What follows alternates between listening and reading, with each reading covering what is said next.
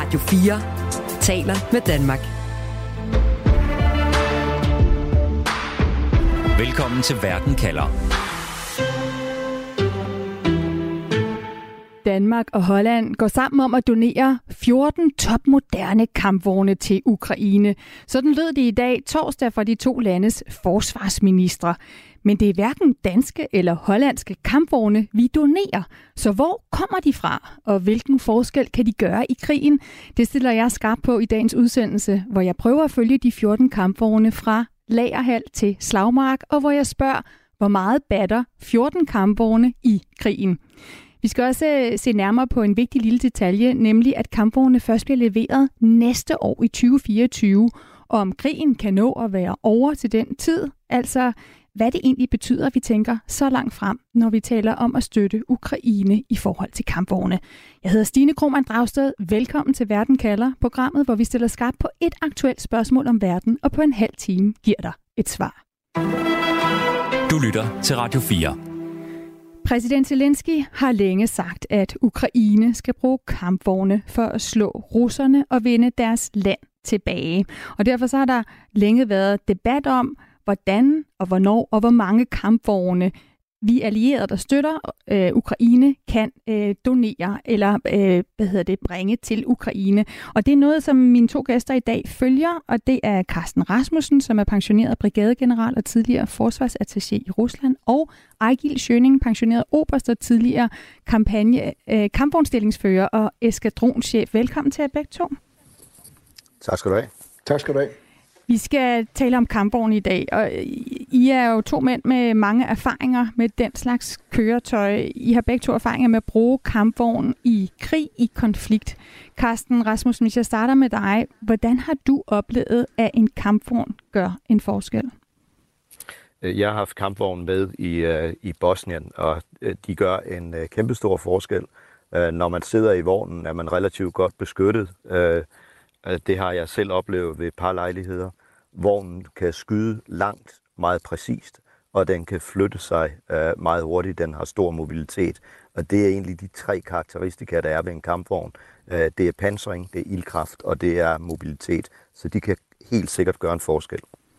Ejgil, hvad vil du sige også i forhold til den erfaring, du har med at bruge kampvogne? Ja, altså jeg vil sige, jeg har også øh, været i Bosnien som chef for kampgruppen dernede øh, lidt senere end, end Karsten øh, var dernede, og, og, og der er det helt klart, at, at det at besidde kampvogne i sin organisation, det betyder, at man på en helt anden måde kan påvirke beslutningsprocessen hos dem, man nu vil påvirke beslutningsprocessen på. Og så herhjemme har jeg jo arbejdet med taktik og operationer hele mit militære liv, og, øh, og, og kampvognen er simpelthen forudsætningen for manøvrekrig, og manøvrekrig er forudsætningen for at bryde taktisk dødvande, som Ukraine står i nu. Så det er helt, helt afgørende. Godt. Vi har i månedsvis talt om altså de her kampvogne, hvordan vi kunne øh, få flere til Ukraine, hvem der måtte kunne undvære dem, øh, specielt efter at tyskerne er gået med til at, øh, at give tyske kampvogne til Ukraine. I dag der melder Danmark så ud, at vi sammen med Holland har fundet 14 kampvogne, som vi kan donere til Ukraine. Carsten Rasmussen, jeg troede, det var umuligt at opdrive kampvogne. Hvor kom de her 14 kampvogne lige fra? Der er faktisk rigtig mange kampvogne i Europa, og hvis man alene ser på den type, Danmark og Holland nu vil donere uh, Leopard 2 af 4, uh, øh, så er der faktisk uh, over 1000 af den type kampvogne i Europa. Uh, der findes 100, eller omkring 100 af dem i Tyskland, uh, som enten ejet af den tyske regering eller af et privat firma i Tyskland. Så kampvognene findes. Hvis nogen vil betale for at få dem gjort klar, til at indsætte i krig, så er de der. Hmm. Så hvis vi i Danmark eller nogle af vores allierede skulle følge os øh, endnu mere generøse, for eksempel om nogle måneder vil donere flere, så siger du, at så, så kan der godt være for eksempel private virksomheder i Tyskland, der kan lægge ind med flere brugbare kampvogne? Ja, det er der helt sikkert. De her kampvogne har stået ved, ved private virksomheder øh, med henblik på, at de kunne sælges til tredje lande i en moderniseret udgave. Øh, og, og når der nu kommer kunder, som Danmark og Holland siger, at vi vil have dem i den oprindelige udgave 2 af 4, med henblik på at få dem sendt til Ukraine øh, så hurtigt som det nu kan lade sig gøre, ja, øh, så er kampvognene til, til rådighed. Det, det kan jo komme som lidt af en overraskelse, når vi har fulgt den her debat om, hvor skal vi dog få de her kampvogne fra, at de faktisk er til, til rådighed, og der også er en del på private hænder øh, i Tyskland og rundt omkring i Europa. Er det sådan, altså Carsten, at øh, jeg som privatperson kan købe egen kampvogn? Ja, det kan jo godt, men uh, så må det nok ikke kunne bruges som våben længere. Så skal der gøres noget ved kanonen, så den ikke kan skyde. Uh, men du kan jo lave dit eget museum, og så gå ud et eller andet sted og købe en kampvogn og sætte den på museet. Så et sådan museum findes også i Danmark. Så, så det kan du godt, hvis du mm. har lyst til at eje en sådan. Mm. Men du skal nok have en stor tegnbog med. Ja, altså det er 600 millioner øh, kroner, som Danmark øh, har øh, brugt øh, på at, øh, at bidrage til den her donation, vi altså giver sammen med øh, Holland. Øh, Eichel Schøning, de her 14 kampvogne, de findes jo allerede. De skal ikke først produceres, de skal ikke først øh, af, af samlebåndet. Ikke desto mindre, så lyder det fra den danske regering, at de 14 kampvogne først er klar næste år i 2024. Hvis de ikke først skal produceres, hvorfor er de så ikke klar til brug nu?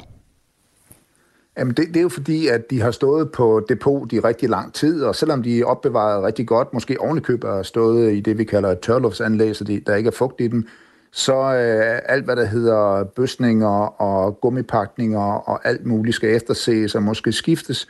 Altså det svarer lidt til at sige, hov, den der Caravelle flyvemaskine derhen, den har stået der 10 år i helt tørt, den tager vi lige og flyver til Mallorca i.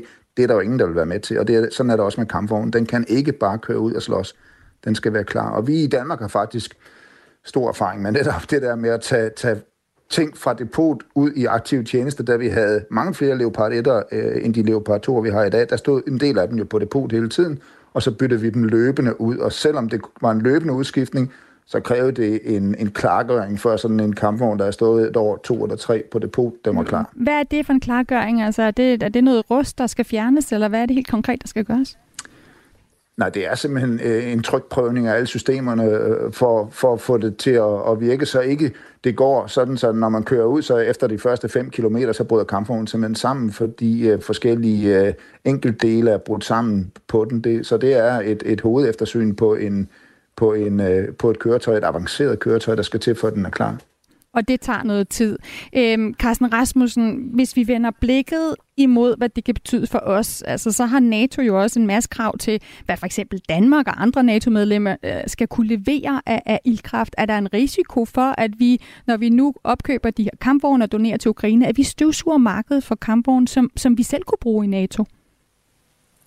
Det ser jeg egentlig ikke nogen risiko for. Altså, hvis det er sådan, Danmark skal have flere kampvogne, Øh, så kan vi jo bare sende en bestilling ned til Kraus Maffei Wegmann i Tyskland og bede dem producere nogle flere, så vil de starte en, en produktionslinje op. Men det tager og noget jeg tid. Tænker, uh, ja, det tager noget tid, men uh, vi vil nok heller ikke uh, købe dem med henblik på, at de skal leveres i morgen. Uh, så, så hvis vi vil det, og andre vil det, nordmændene har lige besluttet at købe, jeg tror det er 57 uh, Leopard 2 A7, når de engang får kontrakten skrevet under, uh, så går produktionen af de her uh, helt splinter nye kampvogne i gang. Godt, så vi støvsuger ikke markedet for kampvogne, vi, vi selv skal bruge ved at donere de her Leopard 2 øh, kampvogne. Lad os se lidt nærmere på, hvad de kan bruges til. Du lytter til Verden kalder på Radio 4. De 14 kampvogne, som Danmark nu køber til Ukraine sammen med Holland, de er altså først klar til brug næste år. Men samtidig er der lige nu et større antal ældre kampvogne, Leopard 1 kampvogne på vej til Ukraine, som Danmark har været med til at købe og donere, også sammen med, med Holland og med Tyskland. Så lad os se på, hvad en kampvogn, der kommer til Ukraine lige nu, kan bruges til. Ejgil øh, Schøning, øh, bare helt lavpraktisk, hvordan får man kampvogne ind i Ukraine lige nu? Jamen, det, det kan formentlig kun ske på jernbanetransport ind til det sted i Ukraine, hvor de skal samles eller øh, indgå i en enhed, og så øh, indsættes derfra. Øh, herhjemme i Danmark har vi altid transporteret kampvogne og tunge køretøjer på jernbane, og de sidste årtier mest på tung transport, som man har mødt på landevejen rundt omkring.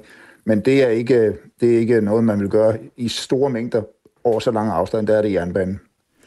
Carsten Rasmussen, øh, altså der er jo, hvis vi tænker på jernbaner ind i Ukraine vestfra, et begrænset antal. Er det ikke sårbart, hvis russerne ved, at der bliver øh, transporteret kampvogne ind lige nu? Øh, jo, det er det, øh, men øh, russerne har indtil videre ikke angrebet våbentransporter fra vest, der er kørt ind i Ukraine på jernbane.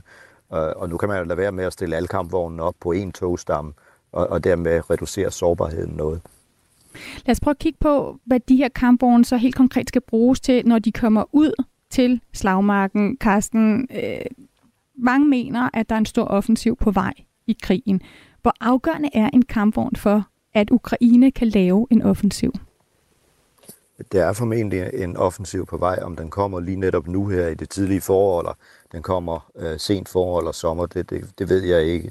Øh, men jeg ved, at Ukraine er ved at opstille nogle nye enheder, øh, og det, det handler om det, der hedder tre korps, altså 12 brigader, hvor vi i Danmark har en brigade, så er Ukraine ved at opstille 12 nye brigader. De her brigader vil øh, delvis blive udrustet med øh, øh, materiel fra Vesten af, og det er altså kampvogne, det er øh, infanterikampkøretøjer, som de amerikanske Bradley og tyske øh, Marder, der er på vej ind. Øh, det er vestlige artillerisystemer, som for eksempel øh, de øh, Cæsar-pjæser, som, øh, som Danmark har doneret, og som øh, formentlig er på vej til Ukraine nu. Så man er ved at samle nogle nye enheder, de bliver mere slagkraftige, øh, og kampvognene er et, et, øh, væsentligt element i de her enheder, sammen med de andre våbensystemer, jeg nævnte. Og Ejgil Schøning, nu siger Carsten Rasmussen et væsentligt element. Øh, kan du prøve at, at blive mere konkret med det? Altså, hvilken rolle er det så, de kampvogne præcis skal spille, hvis man skal i gang med sådan et, et angreb, som en offensiv jo? Altså, hvad er det, de kan, der er så vigtigt? Jamen altså, et, et, det angreb, den offensiv, som der kommer nu, formentlig, og som der kommer flere øh, lige så længe krigen øh, måtte vare, den skal bryde det taktiske dødvande, som, som vi har jo kunne se det sidste lange stykke tid, hvor fronterne står ligesom stivnet over for hinanden. Og for, kampvognen er simpelthen forudsætningen for at kunne udnytte sin ildstøtte med artilleri og, og udnytte at have sit infanteri i pansrede køretøjer med sig, og så bryde igennem og gå i dybden. Og det er jo ikke en krig, man skal udløse der, hvor fjenden er stærkest. Det er en krig, man skal udløse, eller et angreb, man skal udløse der, hvor der er hul, og man kan komme i dybden. Og man kan blive ved med at gå i dybden, og dermed gøre alle fjendens forsvarsforberedelser overflødige med et sabelsnit eller knivstik dybt ind bag fjendens linje. Og det er, der er to forudsætninger, der skal være på plads. Det ene der, der skal, det er, at der skal være nogle kampvogne, som de har, både gamle til 72, som de har i deres egen struktur, og så vestlige kampvogne. Den anden og lige så vigtige forudsætning, det er, at de forstår manøvrekrigens elementer og kan gøre, bruge dem. Og hvad mener du med det, det med at forstå og tænke i manøvrekrig? Ja, det er simpelthen, at det, skal, det er noget, man skal uddannes og tænke øh, tænkes ind i og tænke ind i sine planer. Og, og, og det har vi faktisk set, at ukrainerne, selvom de jo, øh, alle dem, der er på høje poster i Ukraine, er russisk uddannet, eller i hvert fald russisk uddannet, øh, inspireret uddannet øh, soldater og officerer, så har vi set dem bruge manøvrekrigen i, i de sidste øh, offensiver, som vi har set. Så nogle af dem kan i hvert fald godt. Og, øh, og, og, og vi har jo, NATO har jo leveret uddannelse siden 2014 til de højere lag i, øh, i uh, Ukraine, og, øh, og det, har, det har jo givet bonus, kan man se. Det har givet effekt, fordi de kan faktisk godt øh, agere inden for manøvrekrigs øh, øh taktikken, og det, det synes jeg er rigtig flot, at de har lært det på og, relativt kort tid. Og er de bedre til det end, end russerne, som jo også har kampvogne, og med en gamle kampvogne? Ja, jamen, russernes kampvogne er som ikke gamle, mm. men de øh, fatter ikke en dyt af at bruge den, så, så enkelt kan det siges. Altså, de, de kæmper som om, de er led, et led de er midt i 2. verdenskrig, og, og forstår slet ikke øh, den, den, det momentum, der skal være i et uh, panserslag uh, længere. Det har de forstået engang, men det var under helt andre konditioner i slutningen af 2. verdenskrig. Carsten Rasmussen, øh, nu kaldte jeg russernes kampvogne gamle. Altså, hvor høj er kvaliteten af de kampvogne, vi donerer, øh, sammenlignet med dem, russerne har? Øh, russerne har kampvogne, der dækker hele spektret. Der er både der er moderne kampvogne i Ukraine, dem er der ikke så mange af. Dem har de allerede mistet rigtig mange af. Men hvis vi ser på de kampvogne, der er på vej ind, så er det blandt andet en kampvogn, som er et, den, der hedder T62. Den er 60 år gammel. Der har man hen over vinteren moderniseret nogle af dem og udrustet øh, de øh, mobiliserede enheder med dem. Det er en kampvogn, øh, som øh, jeg vil sige, den bliver overmatchet mange gange af, af Leopard 1 og endnu flere gange af Leopard 2. Øh, så det vi sender ind nu, øh, det kan ikke bare matche, det kan overmatche det russerne øh, har på vej ind. Og Ejgil, nu nævner Karsten allerede det her med Leopard 1, Leopard 2, og inden for hver af de kategorier findes der jo også forskellige slags. De kampvogne, som Danmark og Holland nu donerer, hedder Leopard 2. Vi har doneret Leopard 1 tidligere. Britterne og amerikanerne har doneret noget helt tredje og fjerde. Hvad betyder det for Ukraine, at de får en række forskellige kampvogne? Jamen altså først og fremmest så er det jo helt fantastisk at få lov til på en åben radiokanal og nørde i det her, som man, øh, som man har levet af i 41 år. Ikke? Men det at have mange forskellige kampvognstyper, øh, hvor moderne de end måtte være, det er, det er en udfordring. Det er ikke et problem, men det er en udfordring for Ukraine. fordi, øh, fordi reservedele, ammunition, øh, uddannelse øh, til selve øh, kampvognen er forskellige. Og, øh, og, og det er udfordrende for dem. Vi har jo selv i Danmark for 30 år siden haft tre forskellige typer kampvogne på samme tid, og det var udfordrende for en fredstidshær. Og, øh, og ukra- den ukrainske her er altså ikke en fredstidshær, det er en her i krig. Så det her, det er, det er udfordrende. Hvorfor? For Hvad, hvad er udfordringen helt konkret? Det er, at, at øh, alle reservedelene er forskellige. Øh, den mekaniker, der, der skal uddannes til at, at, at, at, at reparere på Leopard 2, kan ikke automatisk hoppe over og reparere på en Challenger-kampvogn. Øhm, så, så, så derfor er, det, er, det, er der et logistisk mareridt at få de her enheder til at, at, at, at være det rigtige sted, og reservedelene og, og, og logistikken øh, til, og ammunitionen til at komme det rigtige sted hen. Men det er jo ikke uoverstigeligt. Det er bedre at have dem, end ikke at have dem. Det, det, det, skal, det vil jeg gerne lige sige. Øh, og det, det er simpelthen bare en udfordring. Det vil jeg nøjes med at sige for dem. Radio 4 taler med Danmark. Ejgil Schøning, pensioneret oberst og tidligere kampvognsdelingsfører og eskadronchef. Hvis du ser på, hvor mange vestlige kampvogne, der efterhånden er doneret til Ukraine, øh, begynder der så at være et antal, der batter? Ja, altså der, der, jeg synes, der, det ser ud som om, øh, og jeg tror, Carsten måske har et øh, klare øh, indtryk af tallet, men det ser ud som om, at der er doneret temmelig mange, altså øh, langt over 100, op i nærheden af 200. Jeg er bare ikke sikker på, at der er så mange af dem, der er øh, ankommet til Ukraine, og, og et er jo at ankomme, det næste er at blive implementeret og klar Lad mig spørge på en anden måde, så hvor mange kampvogne skal der til for, at det batter i, i Ukrainekrigen, efter din mening? Ja, altså jeg tror, jeg har sagt øh, 300, og, øh, og nogen siger 200, men det, vi er oppe i det antal for, at, at vi kommer med nogle kampvogne, der virkelig gør en forskel. Mm. Fordi øh, en kampvogn er ingen kampvogn. Det er sådan en gammel ting, som Carsten og jeg sagde til hinanden, der var helt unge soldater. Men, men to kampvogne er en enhed og, og, og farlig. Altså, hvis ikke de ses sammen så, og kan støtte hinanden, og jo flere, jo bedre, så kan du lave det der gennembrud. Der er jo langt fra, fra 14 til 300. Der er også langt fra de øh, 100 Leopard 1, vi har doneret, og, og plus de 14 op til 300. Carsten Rasmussen, bare lige for at få en fornemmelse af, hvor mange det er, øh, vi taler om. Hvis den danske brigade er fuldt udrustet, hvor mange kampvogne har vi så? Den har øh, 44 i dens nuværende organisation, og nu skal vi ikke tale om den danske her i den her udsendelse, men min personlige opfattelse vil være, at det er for få kampvogne og, til en brigade. En brigade skal gerne op og have 60-80 kampvogne, hvis den skal øh, være virkelig slagkraftig. Og hvis vi taler om antallet af kampvogne på vej, så skal vi jo huske, det er ikke kun øh, Danmark og Holland og Tyskland, øh, der leverer kampvogne. Øh, der er også polske Leopard 2 af fire kampvogne på vej ind. Der er norske, der er spanske, der er kanadiske vogne ind. Altså polakkerne er i øjeblikket lead nation på et projekt, hvor man uddanner på Leopard 2 af 4, man uddanner ukrainere Øh, på Leopard 2A4 på et 30-dages kursus, øh, hvor der er øh, kanadiske, norske og polske instruktører på. Så, så, så vores projekt sammen med tyskerne og hollænderne er jo ikke de eneste. Resten af Europa øh, trækker i samme retning. Det gør Storbritannien også med deres Challenger, og om et stykke tid amerikanerne med, med Abrams kampvogn. Så det bliver et betragteligt antal, og man når op på de øh, 200-300, der er behov for. Det er jeg ikke helt sikker på, at vi er i mål med endnu, men øh, vi nærmer os. Og det er vi ikke nå i mål med netop endnu. Altså, jeg står her og kigger på nogle tal, hvor der står, at Polen har, har lovet at sende 14 øh, Leopard 2 kampvogne. Her er fire ankommet. 18 tyske Leopard 2 kampvogne er nået frem, og så videre. Øh, gør det, altså hvor stor en forskel gør det, Karsten, når vi så ikke taler om, at vi når op på de 300, men at øh, vi måske netop kan nå op på de der 50 eller 80? Når vi når jo op på mere end 50 eller 80, der kommer jo alene omkring 100 Leopard 1 øh, fra Danmark af, så kan du leve, lægge Leopard 2'erne I løbet af i år, ikke? men lige nu her til forårsoffensiven. Øh, jo, men de vil, altså mange af de her vogne vil jo være inde i løbet af, af nogle måneder, mm. og så må det jo være op til den ukrainske militærledelse at finde ud af, hvornår har vi den fornødne kampkraft til at øh, udløse øh, offensiven, øh, og det har jeg ikke indblik i.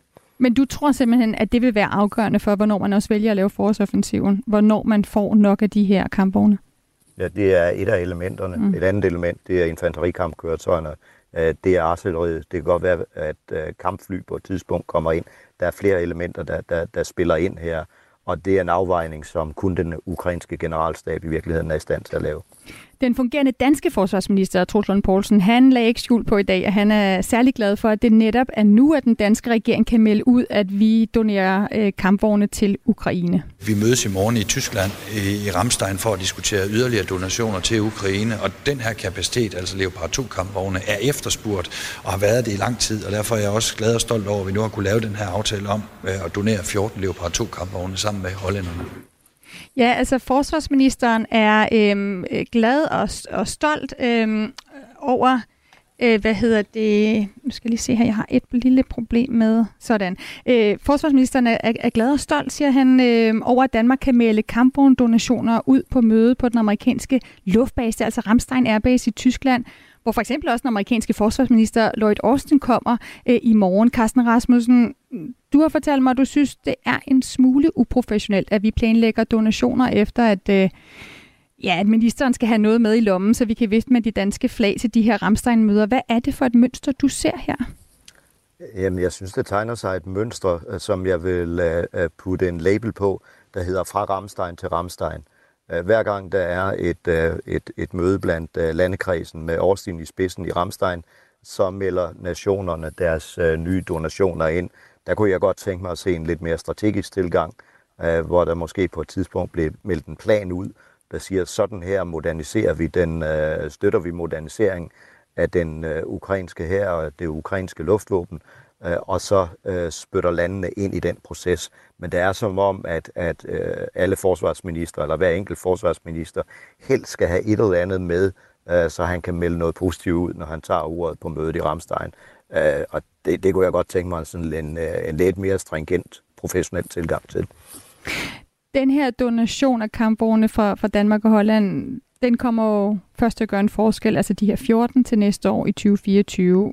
Der kan være noget at ske rigtig meget i krigen inden da. Øhm, Ejgil Schøning, hvad siger du til, at øh, politikerne melder ud om noget, der ligger så langt frem ud i tiden? Jamen, det tror jeg er rigtig vigtigt. Altså, jeg er ikke så bekymret, som, som andre er om, at, øh, at man nu kommer for sent. Jeg håber da faktisk, at man laver en, at Ukraine laver en offensiv ganske snart med de ressourcer, de har, for at bevæge øh, det, det øh, dødvande, der er. Og så må vi jo bare sige, at det, vi har lovet, det er jo noget, der kommer. Men det er jo en garanti for en krigsførende nation at vide, at der kommer mere, fordi enhver krig, den tager på de ressourcer, man har. Vi har lovet, at der kommer flere kampvogne, sådan så de kan lave et anden fase øh, øh, offensiv øh, senere hen. Så det, det er faktisk sådan, jeg ser, at det spændende er faktisk, om vi for alvor ser Ukraine i stand til at bruge øh, deres ressourcer sådan, så de ligger tyngde et sted og accepterer tilbagegang eller en sværere opstilling et andet sted i Ukraine. Det har vi ikke helt set endnu. Øh, altså den der blinde fastholdelse af området omkring Bakhmut, det, det, det kan der være en grund til. Det skal jeg skynde mig at sige, og det kan også være en rigtig god grund til at holde fast i det der, men det kunne også nogle gange for mig se ud, som om man lige kaster sig ind i et tilindegørelseslag og mister soldater uden, uden, øh, uden rigtig grund. Altså jeg, jeg mener, altså manøvrekrig, det er jo i virkeligheden krigen uden linjer. Og det, nu kommer jeg ind i en lang forklaring, det skal jeg ikke. Carsten Rasmussen, det kan jo godt virke voldsomt for os andre, der sidder og følger med, at den her krig, den tager, altså at politikerne nu melder ud, at vi regner med, at den fortsætter ind i 2024, og at der, vi derfor også har behov for at allerede nu bruge penge på at donere øh, udstyr, som ukrainerne har brug for til at vinde den krig, også om et år. Hvad siger du til, at vi planlægger så langt ud i tiden? Det synes jeg er helt rigtigt. Altså, udover at være kampvognssoldat, øh, øh, så er jeg også strategisk planlægger, og man skal altid se på worst case. Og enhver idé om, at Ukrainekrigen er overstået i 2023, det opfatter jeg som ønsketænkning. Derfor skal vi både planlægge og forberede os på, at krigen den kan blive, blive længere. Og øh, der er det en god ting for ukrainer, at de kan se, hvad er det, der kommer ind i 2024, og nu kan de tække af, at der kommer jo i hvert fald de her 14 Leopard 2 af 4 kampvogne. Jeg håber, der kommer mange flere ting, eller kommer mange flere våbensystemer, og også flere kampvogne. Så jeg synes, det er helt rigtigt at se fremad. Planlægge, forbered fremad. Du lytter til Radio 4. Jeg kunne godt tænke mig, at vi når frem til en øh, konklusion på det spørgsmål, jeg startede med at stille nu, når vi har været igennem ligesom hele fødekæden her. Altså, hvor er det, vi har fundet kampvognene hen? Hvor køber vi dem fra? Hvordan er det, de kommer til Ukraine? Hvad er det, de skal bruges til? Hvorfor gør de en forskel? Ejgil Schøning, hvis du skal svare på spørgsmålet, hvor meget batter 14 kampvogne i krigen? set helt isoleret, så batter 14 kampvogne ikke så meget, men, men i større sammenhæng med flere gange 14 kampvogne, der batter de rigtig meget, hvis de forstår at bruge dem rigtigt. Det, det er hele forskellen. Altså, ellers så er det første verdenskrig om igen. Vi, manøvrekrig det er baseret på, at man har kampvogne og artilleri. Carsten Rasmussen, hvad vil du øh, supplere til den konklusion? Jeg er enig i Eichels konklusion. Altså, det kan godt være, at de her 14 kampvogne ikke batter, øh, men hvis der kommer 14 tyske, 14 polske, 6 norske, jeg kan ikke huske, hvor mange kanadiske, nogle finske, et antal fra Spanien, øh, så er det jo mange begge små. Øh, så, og så batter 14 mere, de batter også. Det sagde Carsten Rasmussen, pensioneret brigadegeneral og tidligere forsvarsattaché i Rusland. Tusind tak for at være med. Velkommen. Også tak Velkommen. til Ejgil Schøning, øh, pensioneret oberst og tidligere kampvognstillingsfører og eskadronchef og med mange år i hæren. Tak skal du have. Og uanset hvad der sker, så husk at du kan få svar på et afgørende spørgsmål her i Verden kalder med mig, Stine Krohmann Dragsted. Jeg sender live, det er mandag og torsdag. Først sender jeg en øh, halv time om en aktuel sag i Verden kalder, og så 30 minutters Verden kalder perspektiv, hvor vi sætter et spørgsmål om verden ind i en større sammenhæng og giver dig et svar. Husk, at du kan følge Verden kalder som podcast. Det gør du ved at trykke følg, når du har fundet Verden kalder podcasten, for eksempel på Radio 4's app eller der, hvor du lytter til dine podcasts.